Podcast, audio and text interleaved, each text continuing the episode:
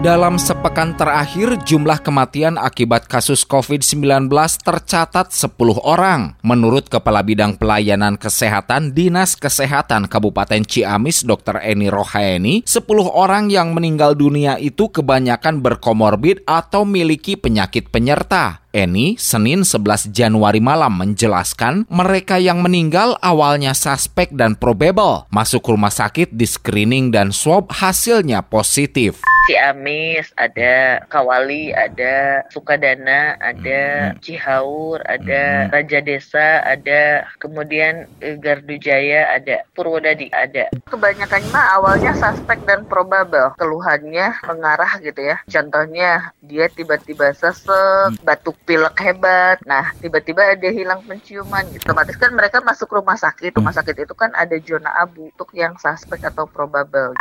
Sementara data yang dihimpun Kilas Radio, kasus COVID-19 di Ciamis data kumulatif hingga Senin 11 Januari sebanyak 1.367 orang, sembuh 849 orang, meninggal dunia 55 orang. Kasus positif COVID aktif sebanyak 463 orang, 59 dirawat di rumah sakit, dan 404 orang jalani isolasi mandiri di rumah.